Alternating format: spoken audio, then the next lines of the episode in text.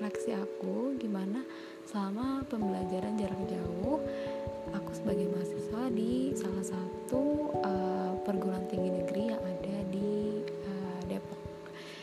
Nah mungkin udah tahu kali ya. Jadi uh, untuk fakultas aku sendiri itu fakultas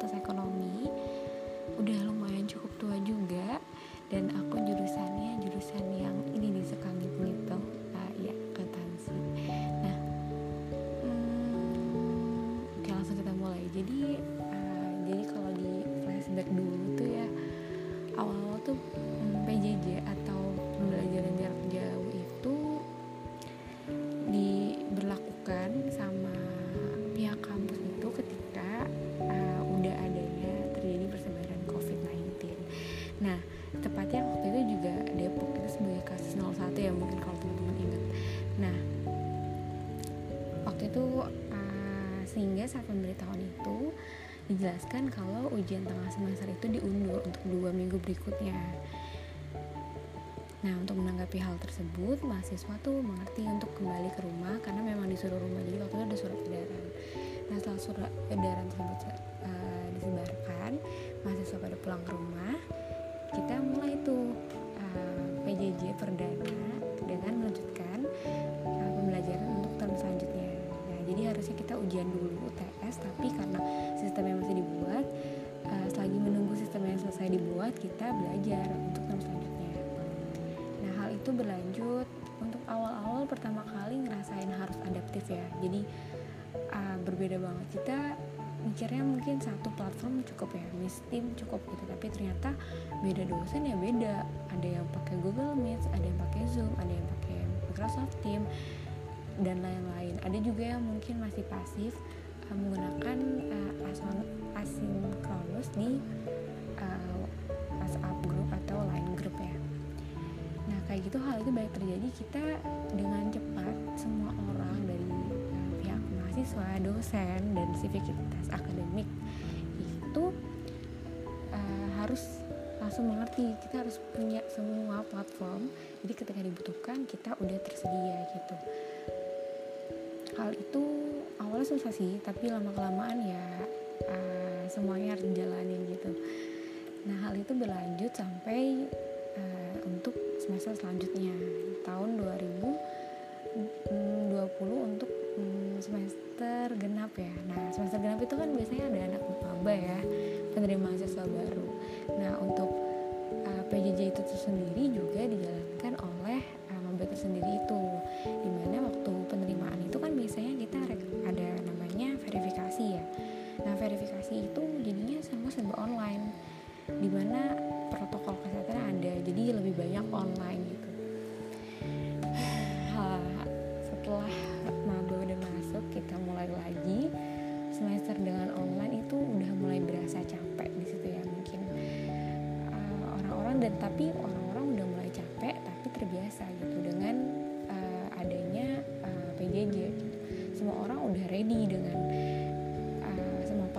udah ngerti gimana cara matiin mikrofon gimana cara presentasi gimana share screen.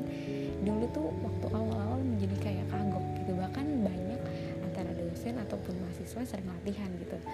Tapi uh, untuk semester itu uh, PJJ semester keduanya itu udah sangat lancar lah ya. Udah mulai uh, dari uh, Birpen juga menetapkan peraturannya semakin ketat lagi gitu.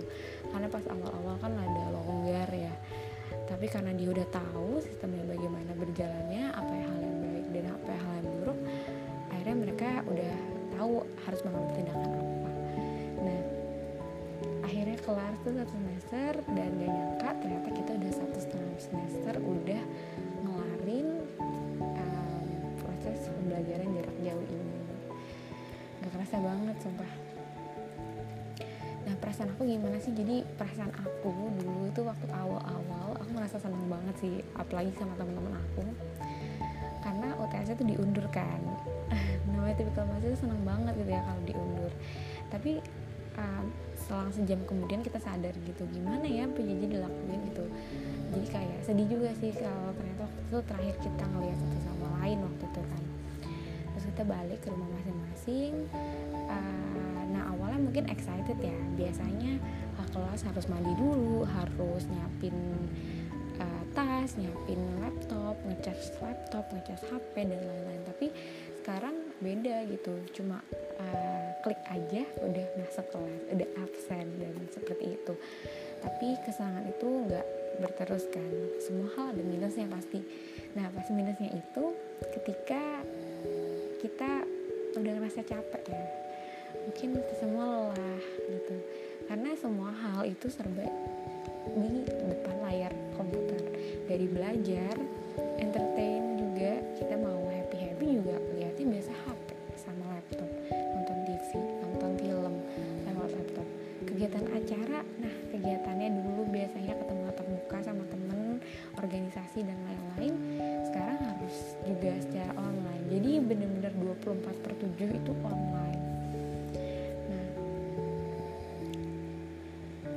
kalau menurut aku sendiri juga pasti semua orang lah ngerasain lah yang sama gitu. Jadi kadang lelah tapi kita juga uh, kangen gitu suasana offline. Hmm, kangen sih kita lebih kangen sama ketemu orang-orangnya ya. Karena uh, kadang kita pasti bingung juga gitu kapan hal ini akan berakhir.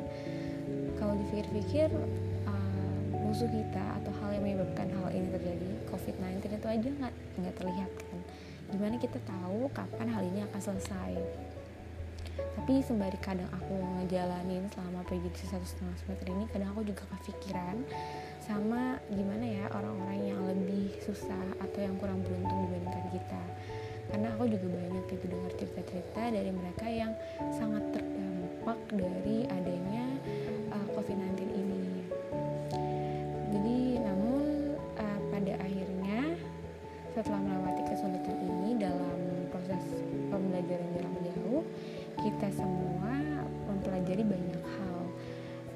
pastinya kan nah ke depannya akan ada banyak rintangan yang mungkin terjadi selain hal ini. Nah untuk evaluasinya menurut aku ada beberapa hal yang baik dan yang buruk ya. Yang buruk hal yang baik itu adalah PJJ itu kan fleksibel ya waktunya. Kita tuh dalam satu hari bisa ngelakuin banyak hal dibandingkan uh, biasanya kalau offline. Karena waktu-waktu yang kita buang untuk seperti mobilisasi atau bersiap-siap itu uh, akan bisa dialokasikan untuk kita seperti duduk uh, sebelum uh, kelas dimulai dengan baca materi dan lain-lain kayak gitu.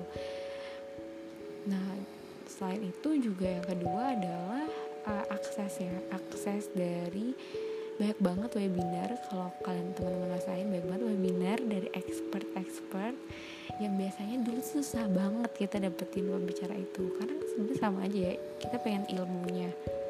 Tapi sekarang itu lebih mudah karena uh, semua serba online semua uh, bahkan kita bisa dengerin loh gimana rapatnya menteri gimana uh, menteri keuangan lagi nyusun strategi dan lain-lain. Hal itu sangat mudah didapatkan. Kalau dipikir-pikir dulu kita nggak tahu ya tiba-tiba udah ada peraturan. Lebih merasa engage dengan orang yang jauh lah mungkin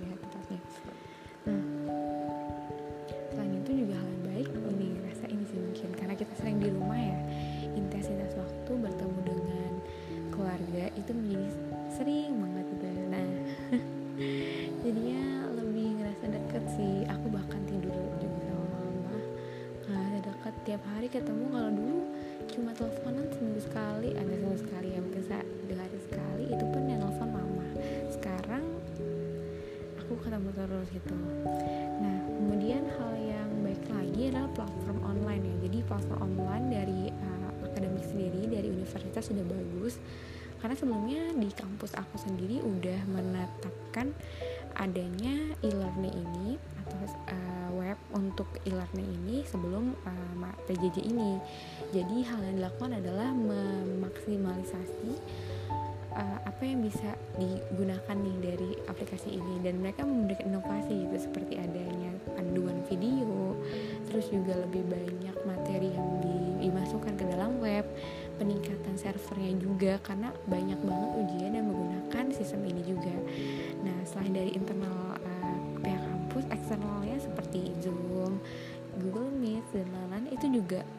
ini banget banyak banget yang berkembang. Tadinya cuma bisa share screen aja sekarang ada breakout room.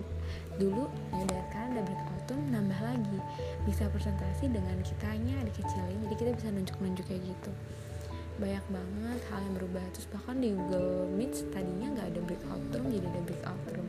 Di Line bahkan dulu Line nggak ada Line meeting sekarang ada Line meeting gitu jadi kayak semua platform tuh sadar mereka harus berubah untuk membantu uh, semua orang dalam menghadapi COVID-19 ini. Nah tapi minusnya itu ada kan pasti. Nah minusnya adalah real life experience karena kita uh, ada lah pasti hal yang berbeda ketika ketemu langsung sama enggak. Nah, hal yang paling dirasakan dalam PJJ itu mungkin kedekatan antara mahasiswa sama dosen.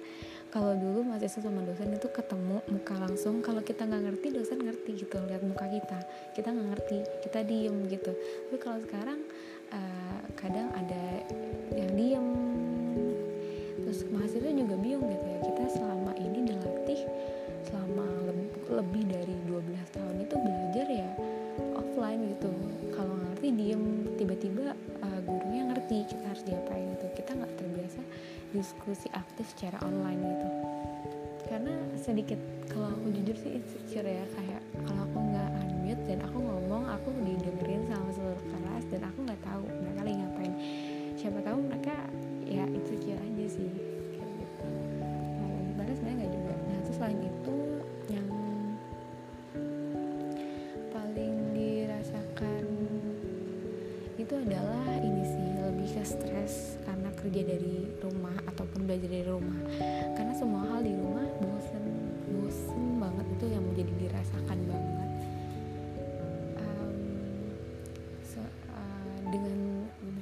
kita dikasih banyak tugas tapi kita harus ngerjain itu di rumah. Lingkungannya sama. Kita nggak ada fresh nggak ada refreshingnya kalaupun refreshing itu nanti jadinya membahayakan diri ya. Ya kayak gitu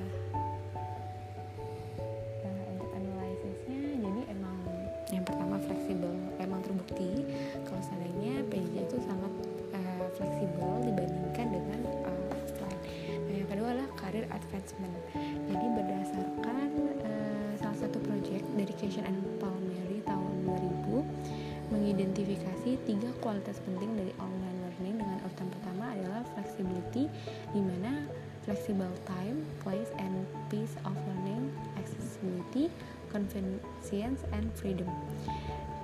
Nah, selain itu juga ada gabungan approach untuk menyampaikan materi pembelajaran.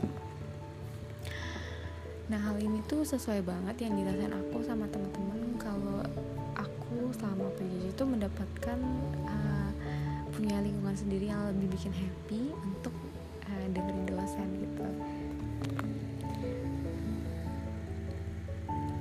Terus ada lagi hal yang mm, membuat lebih menarik adalah jadi dalam artikel yang dibuat dengan survei oleh The Learning House yang mengatakan 44% dari mahasiswa yang mengambil kelas online itu mendapatkan peningkatan karir mereka seperti mendapatkan pekerjaan dalam 12 bulan selalu. Terus ditambah 45% mengatakan mendapat tawaran peningkatan gaji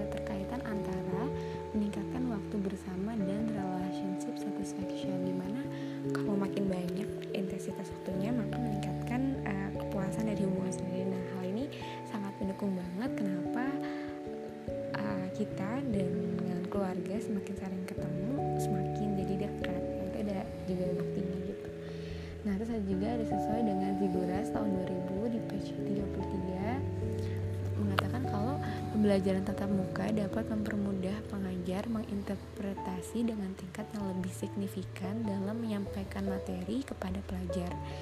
Hal ini terbukti banget sih, karena kalau kita offline ya, kalau ya, dosen yang jelasin kita diem. Kita bingung dosen bahkan ngerti kenapa kalian bingung ya? Kayak gitu biasanya. Kalau sekarang yang jarang banget. Nah lebih lanjut berdasarkan survei School Education Gateway dari 450 pengajar hampir 50% mengatakan tantangan PJJ adalah untuk menjaga pelajar agar tetap termotivasi dan engage selama pelajaran ini sesuai banget karena memang paling sulit banget. Karena gimana ya kita jarak jauh juga uh, kecuali hanya kesadaran diri dari siswa tersebut itu yang mau uh, dari dosen gitu nah untuk stres work from home itu juga ada pada survei yang sama dengan sebelumnya memperlihatkan 43,3% tantangan terbesar adalah meningkatnya tugas dan stres working from home yang dirasakan sebuah studi baru dari 4.000 program sarjana yang dilakukan oleh Strada Education Network. Tantangan paling besar semester ini adalah stress, anxiety, loneliness yang merupakan angka terbesar dengan 44% selama pandemi. Semua orang capek semua orang lelah banget dan hal ini dirasakan oleh seluruh di dunia ini kayak gitu nah untuk kesimpulannya kalau dari pengalaman PJJ ini selama satu semester aku sendiri belajar banyak hal seperti uh, menjadi adaptif, agile, toleransi dan juga tetap mengembangkan kemampuan dan pengetahuan aku apa pun hambatannya. Nah kalau hal itu terjadi lagi sama aku Mungkin aku dari awal akan cepat ngambil inisiatif Untuk memanfaatkan waktu aku yang senggang Lebih produktif Terus juga aku akan lebih aktif lagi Untuk diskusi online bersama uh, dosen Kalau dosen lagi jelasin Dan juga aku lebih karena harus kerja harus belajar dari rumah terus-terusan Nah untuk ke depannya mungkin hal yang aku akan lakuin adalah uh, memaksimalkan fleksibilitasnya tersebut. Terus juga ada career advancement. Aku ikut akan ikutin banyak webinar. Terus juga memperkaya pengetahuan. Terus habis itu um, ikut aktif secara dosen. Terus menjaga integritas saya sebagai mahasiswa dan uh, untuk jangka panjangnya mungkin semester selanjutnya itu saya akan baca-baca dari artikel kayak hal apa aja sih yang bisa saya lakukan sebagai mahasiswa untuk meningkatkan uh, produktivitas saya walaupun sama PJJ oke okay, gak kerasa banget ternyata udah hampir 18 menit. Uh, aku di sini cerita banyak hal tentang pembelajaran jarak jauh gimana nih kalau cerita kamu? Kalau kamu punya cerita langsung bikin aja kayak aku. Dan gitu aja mungkin ya kalau kalian ada kritik saran aku sangat feel free untuk open space. Thank you dadah